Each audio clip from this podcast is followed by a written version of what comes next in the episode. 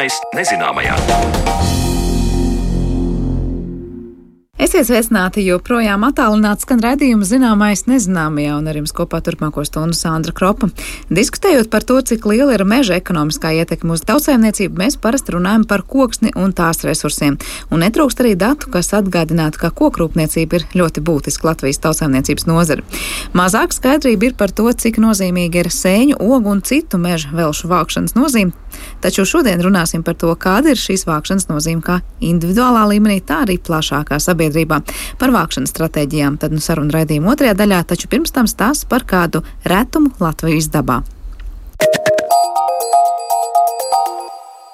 Pirms dažām dienām Latvijas dabas muzejs izziņoja priecīgu jaunumu. Šī gada 5. jūnijā dabas muzeja botāniķis Līvāna novada Turku pagastā atradušas Latvijā ļoti retu orhideju sugu - garlapu cefalantēru. Garlapu cefalantēra sastopams krajos, saulainos lapkoku mežos, krūmājos un meža pļavās. Zied maijā un jūnijas sākumā. Ilgus gadus tika uzskatīta par izzudušu. Zana Lāca devās uz dabas muzeju, lai iztaujātu šī retuma atradējas un uzzinātu, ko vairāk gan par šo augu, gan citām Latvijas dabā sastopamajām orhidejām. Dabas pētnieki iet meklēt augus pēc trim metodēm. Viena, kad dodas uz konkrētu vietu, kur ir zināma atradne, otra metode, kad pētnieki vienkārši dodas nezināmā virzienā un vietā un cer kaut ko uziet, un trešā metode, kad meklējot citus augus, atrod ko retu un interesantu. Tā sava darba specifiku man izskaidro Latvijas dabas muzeja botāniķe Lauma Miķelsona Šibeika, kura jūnija sākumā kopā ar kolēģi uzgāja garlapu cefalantēru, ļoti retu savvaļas orhideju sugu. Laumas kabinetā var apskatīt datorā ievietot attēlu, jo augs, kā jau minēju, ir ļoti rets un ļoti aizsargājams, un tāpēc pētniecis to tikai nofotografēja. Garām šaurām lapām un uz kātiņa rindā balti apaļi ziedi kā teikusi Laumas kolēģi, kā tādi mazi putniņi satupuši. Tiešām, ieskatoties vērīgāk, atgādina resnus mazputniņus uz zara. Mūsu gadījumā bija tā, ka mēs devāmies meklēt, pētīt, uzskaitīt meža silpurenes. Un tad, meklējot meža silpurenes, mēs mežā atradām šo balto ziedu. Netipiskā vietā ļoti uzrunāja, ejot garām balts ziedu stāvs. Nu, tad devāmies klāt skatīties, kas tas ir. Un tad uzzinājām, sapratām, ka tā ir tā retā garlapu cefalantēra. Kā teica Lauma Miķelsone Šibeika, nevar apgalvot, ka šī suga Latvijā būtu izzudusi, jo jau agrāk dabas pētnieki šo augu ir uzgājuši, bet tas ir noticis ļoti reti. 2000. gadu vidū bija atrastas un šobrīd ir zināmas atradnes Ziemeļrietumu kurzemē. Bet priekš Latvijas iekšzemes, Latvijas vidienas tas ir jauns atradums. Literatūrā tiek minēts, ka 19. gadsimtā tā garlapu cefalantēra ir augusi Latvijas apkārtnē, bet pateikt, vai šī ir sena atradne vai jauna, nesen izveidojusies, mēs nevaram, bet tādēļ mēs uzskatām, ka tas ir jauns, unikāls atradums. Pēc literatūras cefalantēras aug kaļķainās vietās, kā lielākā daļa orhideju, ja, vai kaļķainas barības vielām bagātas un diezgan mitras vietas.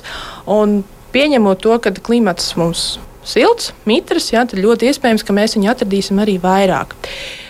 Vēl tāds interesants fakts, ka Latvijā ir arī otra cefalantēru suga, sarkanā cefalantēra, kuras ziedi ir tādi lielāki skrajāki un sarkanā krāsā, ko jau nosaukums vēsta. Un sarkanā cefalantēra arī mums ir atrodama ziemeļrietumu kurzemē, tad Ventspils kolkas apkārtnē. Un tāds bēdīgs stāsts ir, ka sarkanās cefalantēras atradne zuda līdz ar pļaviņu Hesa uzbūvēšanu. Kokneses apkārtnē Daugavas ielā bija diezgan bagātīgas sarkanās cefalantēras atradnes, bet uzbūvējot Hesu, apludinot plašu šo teritoriju, tad arī pazuda šī atradne. Un tad cefalantērs mums ir atrodams tikai kurzemes ziemeļos, ziemeļrietumos. Un vēl kas ir ļoti netipiski, mēs viņu atradām priežu mežā nu, kas pēc savas būtības būtu mētrājs, ja mums zinām, meleņu mētrs, brūkliņu mētrs zemesedzē. Pēc literatūras cefalantēra aug lapu koku mežos. Ja, tas arī tāds paradoks var būt, nu, kad netipiskā vietā, bet no acīm redzot, ir šie kaļķu sāļi, labvēlīgās attiecības ar savu sēni, Ja, un tad nu, ir uzziedējis baltais zieds. Vai arī šai cefalantērai ir kāda smarža? Nemācīšu teikt, mēs no sajūsmas nepieliecāmies un, un nepasmaržojām. Bet, ja runājam par smaržām, tad nu, vistipiskāk, ko mēs pazīstam, ir naktsvijole. Naktsvijoli mēs pazīstam, zinām jau pēc smaržas, un naktsvijoli smaržo ne jau tādēļ, lai iepriecinātu Jāņu bērnus, bet gan tādēļ, lai tumsā pievilinātu naktstauriņus. Un tad naktstauriņi ar savu garo snuķīti veic šo aputeksnēšanu. Ja, tad, nu, mēs cilvēki domājam, sautīgi, nu, ka tā puķa smaržo un cik skaisti, bet patiesībā tas ir tādēļ, lai pievilinātu kādu, kas viņu saputeksnē. Un uh, naktsvijola nav vienīgā, kas izdarās tā, lai pie viņas kāds lidotu. Līdzīgi mēģina sev pievilināt aputeksnētājus tāda orhideja kā mušu ofrīda. Izskatās viņa kā zaļš kātiņš, pie kura ir pieķērušies mušu spārniņi. Tādi rozīgi, lilīgi tādi mušu spārniņi. Un tas arī ir tādēļ, lai eh, pievilinātu plēvspārņu tēviņus, nu, kas domādam, ka tā ir mušu mātīte, plēvspārņu mātīte, lido uz šo orhideju un meklēdami, ar ko pāroties, tad, tad veic šo aputeksnēšanās procesu. Es vēlos Laumjus izvaicāt par orhidejām vispār, kas, manuprāt, ir gana eksotisks augs, bet tomēr palasot informāciju, Latvijā ir 32 orhideju jā, sugas, jā, jā. un 25 no tām ir sarkanajā grāmatā. Vai tā ir, vai ir kaut kas mainījies? Nē, mai, mainījies nekas nav. 32 orhideju sugas mēs pie mums varam sastapt. Lielākā daļa no tām ir aizsargājamas, gan ierakstītas sarkanajā grāmatā, gan iekļautas ministru kabineta noteikumos par īpaši aizsargājamām sugām, kā arī liela daļa ir iekļauta Vašingtonas konvencijā. Tas nozīmē, ka ar savvaļas orhidejām nevar tirgoties, tās nevar pārdot, pirkt, mēģināt pavairot. Ja, tad liela daļa no tām ir aizsargājamas. Es pieņemu, ka daudziem cilvēkiem varētu būt pārsteigums uzzināt, ka pie Latvijas savvaļas orhidejām pieder augi, ko sauc par dzegušu pirkstītēm un dzegušu kurpītēm. Jā, no nu ar tām dzegušu pirkstītēm ir tā, ka kādreiz bija tāda liela grupa kā dzegušu puķes. Bet tad eh, botāniķi atklāja to, ka vienai daļai dzegušu puķu ir nu, tāds bumbulītis, tāds saknenīts kā bumbulītis, un otrai daļai šo dzegušu puķu ir saknenis kā pirkstiņš. Un tad tika nodalītas dzegušu puķes un dzegušu pirkstītes. Tādēļ ir tas nosaukums dzegušu pirkstīte, jo tas saknenis ir kā pirkstiņš. Ja mēs runājam par dzegušu kurpīti, ja, tas nosaukums droši vien radies tā izskata dēļ, jo tas ziediņš ir kā tāda kurpīte, laiviņa, čībiņa dzeltenā izskatā, ja, tādēļ arī tas nosaukums. Kādreiz cilvēki jautā, un arī botāniķi tīri intereses pēc ir mēģinājuši saprast, kādēļ lielai daļai orhideju vārdā ir dota dzeguze. Tas viens no variantiem varētu būt tādēļ, ka viņas zied ap to laiku, kad eh, mēs dzirdam visbiežāk šo dzeguzes kūkošanu, jo orhideju ziedēšanas maksimums ir ap jāņiem, no jāņiem līdz jūlijas sākumam. Taisnība tas laiks, kad mēs visbiežāk dzirdam mežos šo dzeguzes balsi. Nu, bieži vien cilvēki grib zināt, kur tās orhidejas mēs varam meklēt. Ja, tad uh, Latvijā tāda ļoti grazna, iespaidīga vieta, kur tās braukt skatīties, ir Angūras ezera dabas taka. Speciāli izveidota orhideju taka, kur pa dēļu laipu ir iespējams iet gar ezeru. Un, un ezera malā, niedrājās, slīkšņās mēs varam ieraudzīt daudz dažādas orhidejas. Angūras parkā ir apskatāms vairāk par 20 orhidejām. Tātad lielākā daļa no mūsu Latvijas orhidejām tur ir redzamas. Bet, protams, nevar plūkt, nevar rakt, un tam arī nav jēga, jo orhideja jūsu dārzā vai dīķmalā neiejauksies. Jo orhideja ļoti īpatnējs augs, lai orhideja varētu sākt augt, tā ir jāsatiek sava sēne, mikoriza, šī simbiotiskā attiecība starp sēkliņu un sēnes pavadienu. Ja sēkliņa, kas ir pavisam maziņa, mazā puteklīša izmērā, ir pavisam, pavisam sīka, ja sēkliņa satiek šo sēnes pavadienu, tad var teikt, ka notiek tāda draudzīga laulība un tad uh, var notikt tālāk orhidejas attīstība. Vēl tāds interesants fakts, ka uh, vēl 16. gadsimtā botāniķi uzskatīja, ka orhidejām nav sēklu. Jo tās sēkliņas ir tik niecīgas, mazi, mazi puteklīši. Senie botāniķi nespēja tās ieraudzīt, nespēja saprast. Tādēļ uzskatīja, ka orhidejām sēklu nav. Bet patiesībā sēklu ir ļoti daudz, vairāki tūkstoši. Un tad radās tāds jautājums, kādēļ to orhideju mums ir tik maz, ja jau tur ir tie tūkstoši. Nu, tur ir tā atbilde, kad ir jāsatiek savas sēne. Ja nesatiekās sēkliņa ar sēni, tad tālāk attīstība nenotiek. Nu, ir notikuši ļoti daudz pētījumu pasaulē par tām mikorizas sēnēm, un, piemēram, ja runājam par šo garlapu cefalantēru, ko mums izdevās arī atrast, papētot internetā zinātniskos rakstus, Igaunu pētnieki bija uzgājuši, ka šo garlapu cefalantēru var attīstīties, ja viņa satiek kādu no deviņām mikorizas sēnēm. Tad viņai ir iespēja satikt kādu no deviņām. Tad ir deviņi varianti, ar ko viņa labprāt draudzētos. Lauma Miķelsona Šibeika bilst, ka šis ir īstais laiks, lai dotos lūkoties mūsu savvaļas orhidejas, jo šī publikācija ar garlapu cefalantēras attēlu, kas tika ievietota gan Latvijas dabas muzeja mājaslapā, gan Facebookā un citos portālos, ir rosinājusi cilvēku interesi par vērojumiem dabā. Nu, protams, orhidejas rakt plēst mēs nevaram. Jā, tās ir aizsargājums, bet fotografēt un priecāties par tām gan mēs varam. Un šis laiks ap Jāņiem līdz jūlijam, varbūt arī jūlija vidum, ir tas pats ziedēšanas krāšņums, kad var iet un skatīties. Par reto orhideju sugu Latvijas dabā stāstīja Latvijas dabas muzeja botāniķe Lauma Miķelsona Šibeika, un ar viņu sarunājās mana kolēģe Zane Lāce. Bet par retām un netik retām lietām, ko var sastapt Latvijas mežos, mēs parunāsim raidījuma turpinājumā.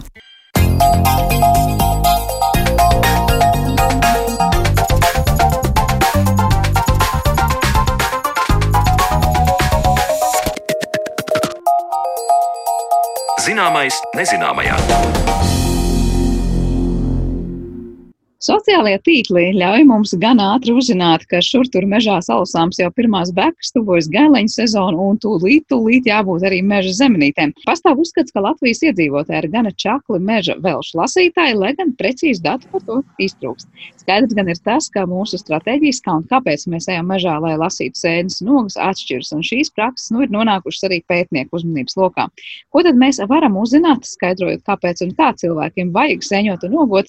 Atbildes meklēsim atlikušajā raidījuma sadaļā, kad mūsu improvizētajā studijā esam aicinājuši Baltijas studiju centra vadošo pētnieku un pēcdoktorantu Miķelu Grīviņu. Labdien, Miķeli!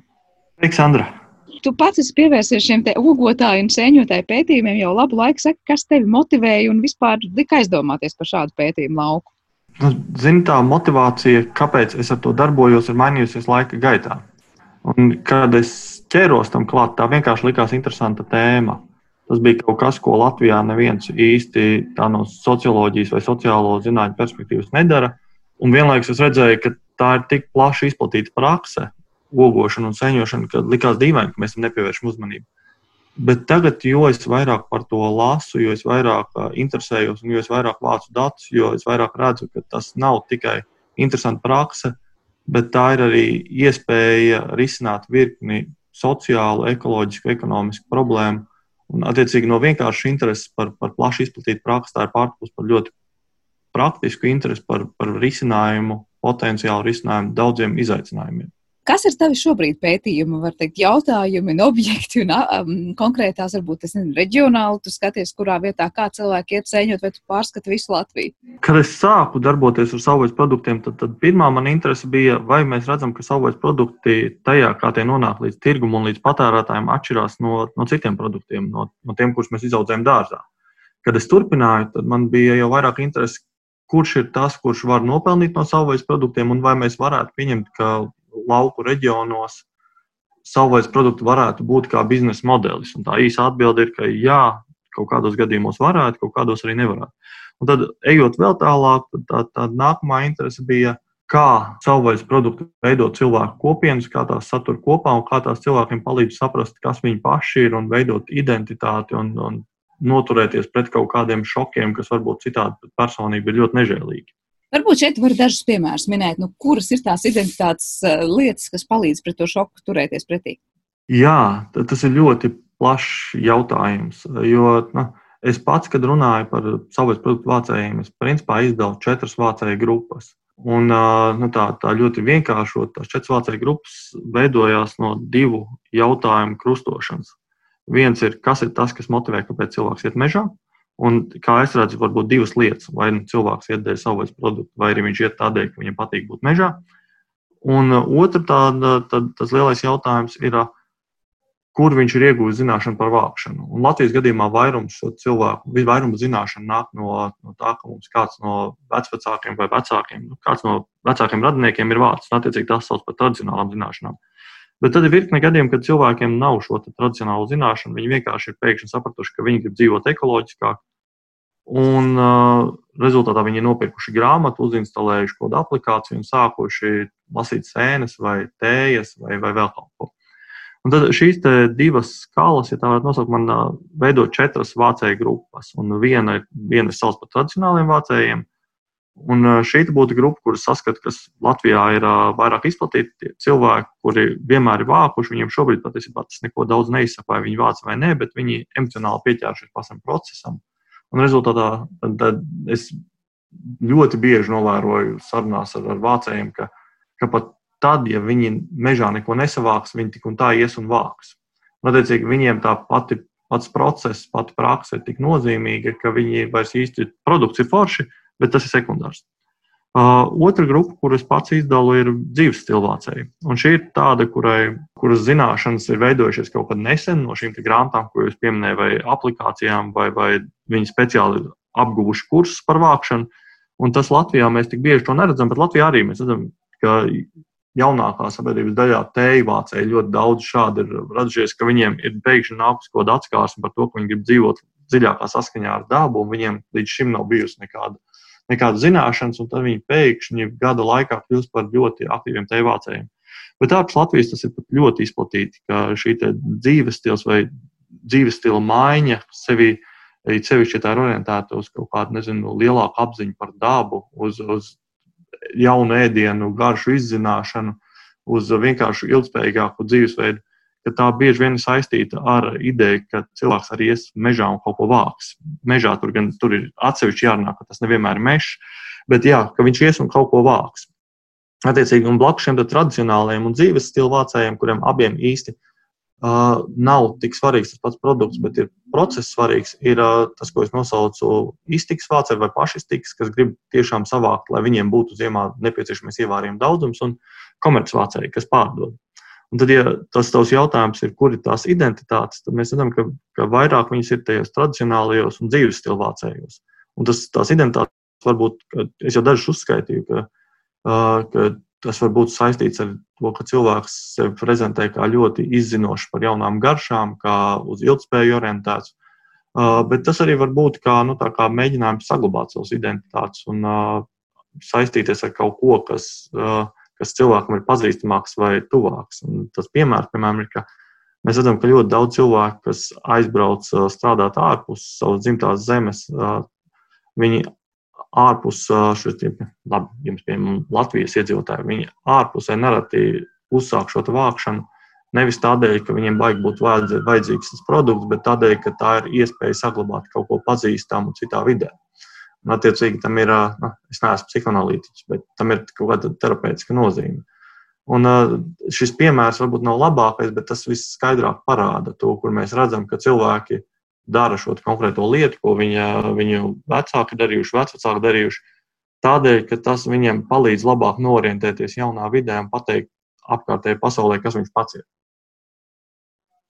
Eh, tu pieminēji tikko arī to aizbraukšanu citur, un tad it kā labi darīt to sev zināmo lietu, kas asociējas, piemēram, šajā gadījumā ar Latviju.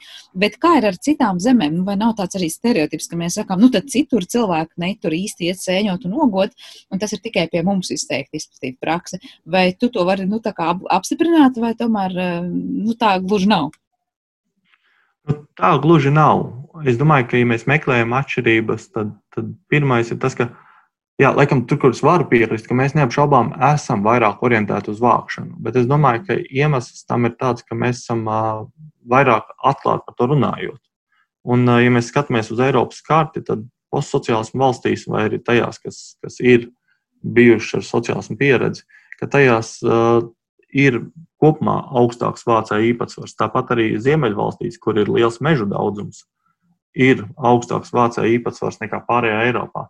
Bet, ja mēs uh, skatāmies vispār uz Eiropu vai, vai uz pasauli kopumā, tad, tad visur šie vācēji jau ir saglabājušies. Par viņiem vienkārši īsti netiek runāts. Un kādā mērā tas ir saistīts ar to, kur tad sabiedrība kopumā saskata to savu attīstības perspektīvu. Un, ja mēs skatāmies uz rietumu sabiedrībām, tādām, nu, mēs esam rietumu sabiedrība, bet klasiskām, tam, tam vecās, vecās Eiropas valstīm, Ameriku, tad tur ļoti nozīmīga loma ir modernizācijai un kontrolē pār dabu. Un šī kontrole pār dabu paredz lauksaimniecību, paredz traktorus lielus, un tur vākšanai īsti nav, nav vietas. Un, lai arī cilvēki to dara, un es esmu veicis arī intervijas Nīderlandē un Anglijā ar vācējiem, un tur viņi stāsta par to, ka Viņiem ir pat vecāka pieredze, viņiem ir tās pašas tā kā, kā kaut kāda tā, tās atmiņas par to, ka kāds to ģimenē darīs, viņiem ir. Bet tas neiet kopā ar viņu to, identitāti par to, kas viņi ir. Un tad, ja mēs skatāmies uz Latviju un Igaunijā, kuras arī esmu vācis intervijas, ka šeit tā ir vairāk normalizēta lieta. Un rezultātā cilvēki daudz brīvāk par to runā, un rezultātā mums ir sajūta, ka mēs, mēs esam ļoti uh, aktīvi vākšanā. Uh, to pasakot, man ir arī jāsaka, ka, protams, mēs, mums procentuāli ir augstāks vācēju daudzums. Mēs varam redzēt, ka valstīs, kurās ir lielāks mežu daudzums, teritoriāli tur ir lielāks vācēju daudzums. Jau teicu, ka valstīs, kurās ir sociāls pieredze, ir lielāks vācēju daudzums. Vāc, valstīs, kurās ir bijusi lielāka ekspozīcija slāviskajām kultūrām, ir lielāks vācēju daudzums. Attiecīgi, lai arī mēs esam lielāki vācēji, mēs neesam vienīgie. Neesam vienīgie, bet tomēr teica, ka viena no tām kategorijām ir šie, te, kuriem ekonomiski izdevīgi sniedz šīs te vākšana, vai komerces mērķis ir tā ogu vai seņu vākšana, vispār savvaļas produktu.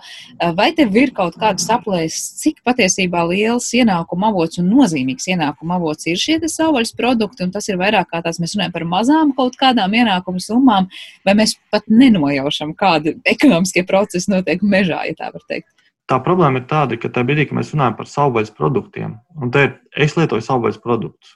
Ja mēs runātu ar cilvēku, kas ir uh, iesaistīts, uh, kā nāk no institūta silo, viņš runātu ticamāk par meža nekokļu produktiem. Un tas ir daudz šaurāks lokus. Bet, jebkurā gadījumā, tas nav tikai, tas nav tikai sēnes. Tās ir sēnes, tās ir ogas un tās ir tējas.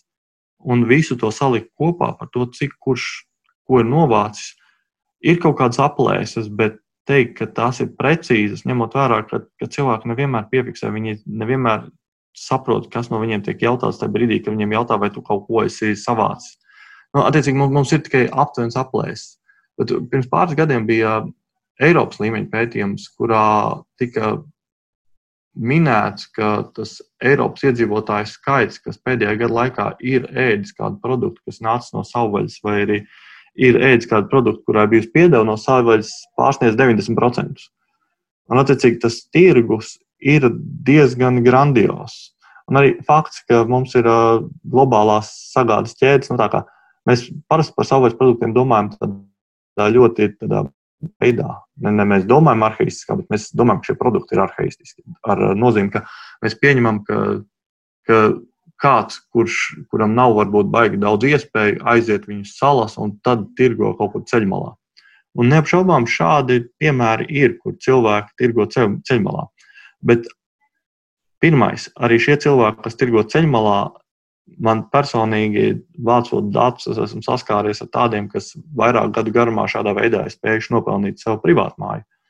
Bet otrs ir, ka šī ir tikai neliela daļa. Tam blakus ir rūpnīcas, kas pārstrādā industriālā apjomā savus produktus, pasē viņus un eksportē uz tālām valstīm, kur ikgadējais apgrozījums ir vairāk miljonu lielumā.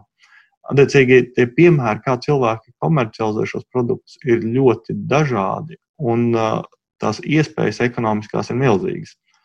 Ja man prasa kaut kādu precīzu skaitli. Pirms pāris gadiem Latvijā tika minēts, ka ar savvaļas ogu vākšanu peļņu varētu gūt aptuveni 4%. Mans personīgais aprēķins bija, ka, ka šie vācēji vidēji gadā varētu nopelnīt aptuveni 200 eiro, kas ir ogu vācēji tikai. Tur nav runa par sēņu vācējiem vai par tēju vācējiem, jo tā ir atsevišķa saruna, jo tur ir pilnīgi citi biznesa modeļi un tas nozīmē citas peļņas. Bet tas, kas jāņem vērā šajos 200 uh, eiro, ir tas, ka ir no vienas puses cilvēki, kas aiziet un nolasa vienu litru un pārdod, un tas principā nu, viņiem neko nenozīmē šo naudu nopelnīt. Nē, viņi nenopelna neko tik nozīmīgu, lai to būtu vērts uzskaitīt. Un tad no otras puses ir profesionāli vācēji, kuri vienas sezonas laikā spēj sapelnīt vairākus tūkstošus eiro, un šī nauda ir nozīmīgs ienākumu avots viņa ģimenes budžetam. Attiecīgi, jebkas, ko es teikšu, būs mazliet uh, maldinošs, jo tajā sektorā, atšķirībā no lauksaimniecības, ir, ir grandioza dažādība. Un daļai tas ir tādēļ, ka, ja mēs domājam par lauksaimniecību, tad viss ir iestādīts vienā lauciņā, un cilvēks var aiziet un, un izsakot, kas tajā lauciņā ir audzis. Un ko viņš iestādīs, to viņš arī novāks. Savukārt, savvaļā ir neviens nevar izsakot, kur kurš ko ir vācis. Un, ja tu šodien negribi vākt vienu lietu, un tev ir zināšanas, tu šodien vari vākt citu lietu. Attiecīgi, tā, tā dažādība ir daudz lielāka. Bet tad, kad tu saki šie profesionālie vācēji, tu domā ar to, ka tie ir cilvēki, kur vienkārši savāks un būs kaut kādi uzpircēji, citas ķēdes, kas to visu realizēs un apjomu būs milzīgi, vai paši šie cilvēki ir tādi, kā tu saki, nu vienu dienu viņi ir orientēti vākt kaut ko citu, nākamajā dienā jau pavisam citu, finālā viņiem pašiem ir savs tirgus gandrīz, kur to realizēt, un tā ir tāda jau uzņēmēja darbība pašam vācējiem. Ziniet, te man liekas, ka vislabāk uz tavu jautājumu atbildēt, ja mēs salīdzinām, kā darbojās tēju biznesa un kā darbojās ogu biznesa. Un, uh, ogu biznesā ir tā daļa viena, kas novāc, un tad viņi kaut kur ceļmalā vai tirgu tirgo, un viņi par šo savu kilogramu ogu prasa tur, nezinu, 5 eiro vai 10 eiro vai kaut kādu summu. Un viņi paļaujas, ka viņi pārdos mazāku kilogramu daudzumu, bet viņi pārdos par lielāku cenu, un viņi paši nogādās līdz tirgumam. Bet tad, ja tu esi intensīvs vācējs, tu, tu principā savāc dienā, tu nezinu, ja tu neesi intensīvs 20, ja tu esi ļoti intensīvs un aktīvs, savāc 50 kg litru ogas, tu aiznes viņus uz uh, iepirkuma punktu, kas ir, es pieņemu, ka visiem, kas dzīvo Latvijā, ir aptuveni nolielums, kas ir iepirkuma punkts. Tu tur nodod ogu par tajā brīdī aktuālo cenu, kas mainās katru dienu, un tā brīžiem pat pa stundām. Un tā oga pēc tam nonāk pie uzpircēja, kurš tad viņas varbūt pārdod tālāk kādam, kuram ir saldēta, tur viņi tiek sasaldēti tad viņi nonāk līdz kādam, kurš ir gatavs, viņu, kuram ir lielie pasūtījumi kaut kur pa visu pasauli, tad viņi tā kā aizpeld vai nu uz, vai nu uz Ķīnu, vai uz Nīderlandi, vai vēl kaut kur. Un šī, šī, šis ir produkts, kuru var viegli sasaldēt, kuru var pārstrādāt lielos apjomos, un uh, kuru var lasīt lielos apjomos pat nekultivējot. Bet tad, ja mēs skatāmies uz tējām, tad tējas ir tā, ka viņas nu, tā kā tu dabū lasīt daudz lielākā apjomā. Viņas salasīt pienācīgu apjomu ir grūtāk. Un arī tas, ka tas, ko tā tēja tieši ietver, tev nāks vairāk strādāt pie mārketinga, pārdodot to cilvēkiem. Latvijas mums ir piemērs, kur mēs, piemēri, kur mēs redzam, ka cilvēki tējas tirgo ļoti lielos apjomos. Un, bet tas vairumā gadījumā nozīmē, ka viņi tirgo tikai papildinot citu tēju tirgotāju, tos, nu, tas, ko viņi nav spējuši nolasīt. Uh, bet, bet vairumā gadījumu te tirgotāji ir maziņi, tie ģimenes uzņēmumi, kur paši strādā pie sava zīmola par to, ko tā tēja, vai kā uz šo tēju skatīties, kādas ir tās labās īpašības. Viņi paši domā par saviem labiem produktiem, viņi ļoti intensīvi domā par savu tirgu un kontraktiem, kam viņi to tēju tirgos. Un, attiecīgi, šie uzņēmumi funkcionē pavisam citādākā veidā nekā to, neko mēs sagaidītu no, no ogām. Otrs tam pašam klāt ir arī, ka ir jāskatās uz to, cik ilgi kurš no šiem produktiem var stāvēt bez kaut kādas speciālas uh, iesaistes. Un, uh, ja ogas sasaldē, viņas ir jāglabā leduskapī, un šis leduskapis kaut ko maksā viņu uzturēt. Savukārt, ja tējas izkaltē, tad viņu tas, tas laiks, ko viņš var būt plauktā, ir ļoti ilgs. Un, attiecīgi, ja kāds grib taisīt biznesu un viņam nav daudz naudas, ko investēt, lai, lai nopirktu šīs aprīkojumus, kas nepieciešams saldēšanai, tad viņam, ja viņš grib būt neatkarīgs, daudz vieglāk ir iet tējās un sākt viņus žāvēt un, un strādāt pašam pie savām sagādas ķēdēm, kas ir lokāls. Um, jo vienkārši tas prasa mazākas investīcijas.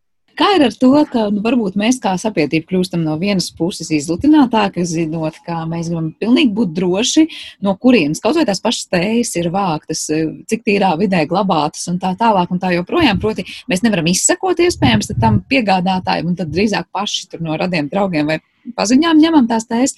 Un no otras puses, kā sabiedrībā, kā tu arī minēji, ir tā vēlme atgriezties, būt tuvāk dabai un būt pie tiem dabas produktiem.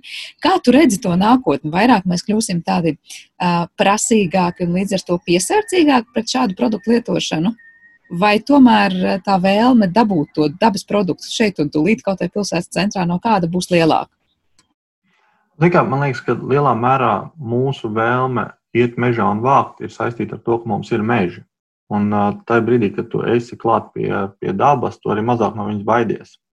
Ir, ir tāda teorija, kas saucās Biocultural Dynamics hypothesis, kas saka, ka principā tajā brīdī, kad cilvēks būs atvērtāks dabai, apkārt būs vairāk dabas, un kad daba būs apkārt vairāk, tad arī cilvēks kļūs atvērtāks.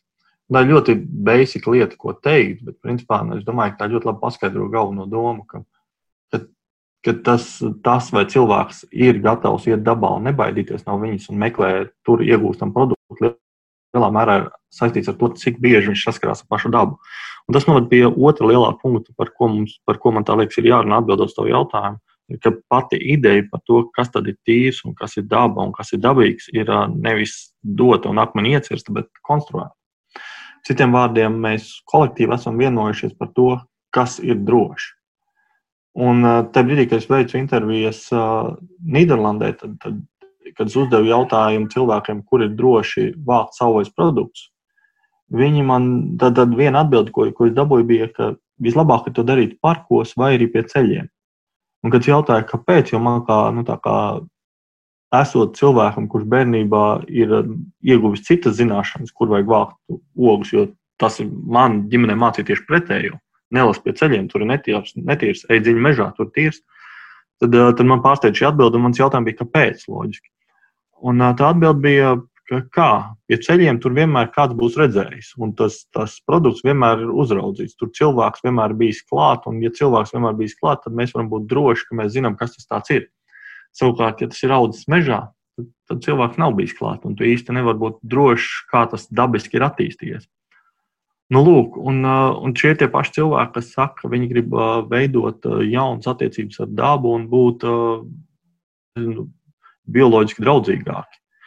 Un manuprāt, šis piemērs lieliski ilustrē to, ka, ka tavs jautājums vai, vai nu, tas, kur mēs ejam, ir lielā mērā atkarīgs no mūsu pašu vienošanās par to, kādu mēs gribam redzēt dabu. Vairāk bija domājis, nu, piemēram, to aspektu, ka tu pieminēji tējas, un tu saproti, ka tējas kaut kur kaltējas un žūst. Un tad ir vairāk tas jautājums, nevis kur tās tējas tika ievāktas, bet, piemēram, kādos apstākļos kaltētas. Un, ja es nezinu konkrēti šo cilvēku vai šo uzņēmumu, kas ar to nodarbojas, nu, teorētiski es domāju, bet varbūt tur, es nezinu, kaķi un pelus pārsteigājuši, un pēc tam tas viss tiek piedāvāts kā kaltēta tēja. Protams, vairāk par to, ka mēs nespējam izsakot, kurš mums to dabas produktu iedod. Jā, bet tā, tas, nu, tā kā Es neesmu īsti pārliecināts, kā man atbildēt šo jautājumu, jo tā ir uh, problēma, kas vai ir izaicinājums, kas ir visā pārtiks industrijā. Un tāpēc mums ir, ja šis tēja ražotājs ir oficiāli reģistrēts, tad viņam ir kaut kāda atbildība pret pārtiks veterināro dienestu, un uh, viņam ir nu, tieši tie paši izaicinājumi, kas būtu jebkuram mazam zemniekam. Te jautājums bija par to, vai tas pārtiks veterinārā dienas, piemēram, prasības uh, ir attiecāmas uz visiem šiem cilvēkiem, vai viņi vispār spēj izkontrolēt. Bet tas, vai viņi spēj viņus izkontrolēt, tas ir cits jautājums. Jo, ja tas ir uzņēmums, kas tirgo tējas, tad tas ir tieši tāds pats uzņēmums, kā kurš cits uzņēmums. Attiecīgi, viņam ir kaut kāda vieta, kur viņš uzturās, kur viņš žāvē, kur viņš pārstrādā. Ja viņš vēl ir bioloģiski certificējis kaut ko, tad tas ir nu, viss reģistrēts un to ik brīdim nāk kāds pārbauda. Attiecīgi, par, par tās tējas, kas nonāk lielveikalā, pieņemsim, jūs ejat iesiet cauri lielveikalam nākošajā reizē un skatīsies tēju plauktu. Mums ir ļoti daudz uh, mazo ražotāju tējām, kuri ir nākuši no savvaļas, vismaz daļēji. Uh, viņas visas, kāds ir no nu, tā, kā, tā kontrola, viņām ir tieši tāda pati kā jebkuram citam produktam. Uh, ja jūs pērkat no, no mazā cilvēka, kurš nav ne, ne mazā cilvēka, bet mazā ražotāja, kurš nav oficiāli reģistrēts, kurš ir vienkārši tēju vācējs, Protams, ka tas ir atkal tieši tāpat kā pirkt no mazā zemnieka. Ja jūs ticat, ka šis mazais zemnieks ir savu, nezinu, vistu barojis atbilstoši ar to pārtiku, ko jūs gribat, lai tā vista ēd, vai arī ka viņš ir mēslojis savus tomātus ar to, ko jūs gribat, lai viņš mēslo, tad nu, tā ir uzticība. Un, un tajā brīdī, kad tu aizej prom no standartizētās pārtikas ķēdes, tad tas pāriet uz, uz tavu kā patērētāja atbildību sekot pašam līdzi. Noslēdzot jau pamazām mūsu sarunu, vēl divi jautājumi, ko noteikti vēlējos tev uzdot. Vispirms par to, nu, tu jau te iezīmē dažādas uh, aspektus mūsu sarunā, un tas liekas, protams, loģisks iznākums tam, ka ir bijuši šādi pētījumi. Bet kā tu tomēr raksturotu, kāpēc ir šādi pētījumi nepieciešami, ko tie tālāk dod, izņemot to, ka mēs saprotam, jā, ir tādas, tādas vācēju grupas, ir tādas, tādas vācēju kategorijas, tur cilvēki ir vairāk vai mazāk, un ir dažādas motivācijas. Vai tas valstiski, sabiedriski var kaut ko jaunu mums pateikt? Jā, neapšaubām. Es, es saskatu, ka tam ir virkne pozitīvu un nozīmīgu faktoru, kāpēc mums ir jāpievēršās. Uh, es varētu teikt, savos produktiem, bet man liekas, ka šajā gadījumā varbūt plašāk kaut kādām tādām marginālām praksēm, kuras no malas izskatās nevajadzīgas, bet realitātē ļoti daudz cilvēku viņās iesaistās. Un uh, konkrēti par saviem produktiem. Viena lieta ir, ka nu, tas pats, ko es jau minēju, saiknes starp cilvēkiem un dabu. Ja mēs redzam, ka nu, tas mērķis ir veicināt ilgspēju, tad mēs nevaram cerēt veicināt ilgspēju, ja mēs ne, neatrodam veidu, kā saistīt šo vidi, kas nav tik vienmēr nebūs tik ērta cilvēkiem, ar, ar kaut ko. Ne, nu, šī vide, kas nebūs tikai cilvēkiem, mums jāatbalsta viņai atbalsts no cilvēkiem. Un šādas prakses vai arī izpratne par dabu, kas veidojās vācot, ir viens no veidiem, un es teiktu, viens no labākajiem veidiem, kā nodrošināt atbalstu varbūt nevienmēr populāriem lēmumiem. Protams, ir virkne dažādas diskusijas par to, vai savvaļas produkti varētu arī ietekmēt to, kā mēs apsaimniekojam mežus. Un es neņemos atbildēt, jā, nē, ka mums ir skaidra atbilde no tā, nu, būs no vākšanas. Uh, bet, uh, ja mēs pievērsīsim tam vairāk uzmanības, skaidrs, ka mēs atrad, spēsim arī atrast šo atbildi ar laiku, vai savvaļas produktu varētu būt kā biznesa modelis, kas mums palīdz savādāk miedarboties ar lauku teritorijām. Papildus uh, tas, kas mani interesē, ir arī Um, iespējas tām sabiedrības grupām, kurām citos veidos varbūt iespējas būtu salīdzinoši minimālas. Redzīgi, mums, mums, ja mēs salīdzinām vidējās algas Rīgas centrā un attālākajos Latvijas nostūros ar mazāko iedzīvotāju blīvumu, ja mēs salīdzinām iespējas, ja mēs salīdzinām darba vakances, jaundibinātos uzņēmumus, nu, tas ir pilnīgi divas dažādas uh, realitātes. Un, uh, skaidrs, ka mēs varam runāt un būvēt baigās gaisa pilis par to, kādas ir attīstības iespējas šajos pašos attālākajos reģionos. Bet uh, realitāte ir tāda, ka, ka, ja mēs gribam, lai tur kaut kas notiek, tad mums jāmeklē šo reģionu stiprās puses. Un savais produkts ir viena no šīm stiprajām pusēm, kurām vienkārši ir jāpievērš uzmanība. Un es nesaku, ka visiem vajadzētu likt to pētīt, bet es drīzāk saku, ka ir muļķīgi palaist garām, ja ir šāds resurss, kurš acīm redzami tur ir. Nākošais ir, ka, ja mēs skatāmies par um, par, mēs negribam tikai lielas monokultūras saimniecības, bet skatāmies uz, ka gribētos saglabāt laukos arī mazas saimniecības, tad uh, vismaz mans minējums, un patiksot ne tikai mans, bet par to ir virkni teorētiskas literatūras, ka šīs saimniecības viņām ir jādiversificē, no kurienes nāk ienākumi. Un uh, savvaļas produkti ir dabisks veids, kā to darīt, un arī viss, tie, viss kas saistās ar eko pakalpojumiem ja mēs gribam domāt par ilgspējīgu attīstību, tad mums ir jāņem vērā tie dabiskie resursi, kas konkrētajā vietā ir. Un visbeidzot, es zinu, ka tev šobrīd arī top vai ir tapusi arī publikācija un raksts par, eh, par šo jautājumu, šo pētījumu. Cik lielā mērā tu jūti, ka šie tavi pētījumi un secinājumi interesē arī citus pētniekus ārpus Latvijas robežām vai sabiedrību ārpus Latvijas robežām?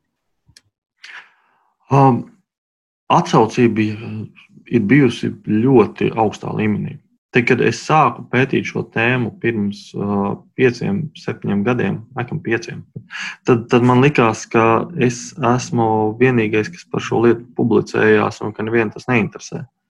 Un daļai, protams, tā bija nu, tāda pētnieciskā ignorance, ka es sāku, un es vienkārši nebiju apzinājies visus uh, avotus, kas par šo tēmu runā. Uh, Bet tagad, uh, ejot uh, uz priekšu un iekļūstot ar vien dziļāk akadēmiskajās kopienās, kas runā par, par savvaļas produktiem, par to, kā saglabāt teritorijas kaut kādas ar īpašām vērtībām, kā veicināt lauksaimniecības bioloģisko daudzveidību, um, es redzu, ka, ka cilvēki, vismaz tie, kuri domā par alternatīvām, viņi savvaļas produktus uztver kā vienu nopietnu alternatīvu risinājumu esošiem izaicinājumiem. Un es domāju, ka no, nu, es izklausītos naivi, ja es teiktu, ka mums visiem vajag pārslēgties uz savvaļas produktiem un teikt, mēs visi pārtiksim tikai no mazajām saimniecībām, mazajā zemnieku saimniecībā saražotiem produktiem. Bet es domāju, ka es neizklausīšos naivi, ja es teikšu, ka nākotne ir iespējama ilgspējīgi tikai tad, ja mēs dažādojam savas stratēģijas un opcijas. Un, un tieši šī dažādošana ir iemesls, kāpēc mums jāskatās gan savvaļas produktos, gan arī pašās manas jau vairāk reizes pieminētajās mazajās saimniecībās, gan arī citos veidos, kā mēs varam kaut ko dabūt no meža. Paldies tev par šo sarunu. Tiešām daudz aspektu, kas liekas šķietami vienkāršajās lietās un vietās pavaras pavisam citādāks, jo tam paskatās ar tādu pētnieku aci. E, gaidam, protams, arī pārējos tavus nākamos pētījumus un interesantos secinājumus. Baltijas studiju centra vadošais pētnieks un pēcdoktorants Miķels Grīviņš šodien bija mūsu improvizētajā studijā. Ar to arī raidījums ir izskanējis par to parūpējās producents Armīta Kolēta, mūzikas redaktors Dzirds un ar jums kopā viesis Sandra Kropa. Uz tikšanos!